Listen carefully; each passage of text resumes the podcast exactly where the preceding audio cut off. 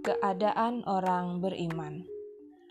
Suhaib bin Sinan radhiyallahu anha meriwayatkan bahwa Rasulullah Shallallahu alaihi wasallam bersabda, Alangkah mengagumkan keadaan orang yang beriman karena semua keadaannya membawa kebaikan untuk dirinya dan ini hanya ada pada seorang mukmin.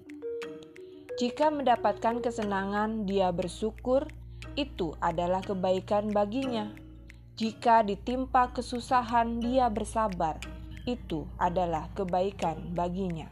Hadis riwayat Muslim.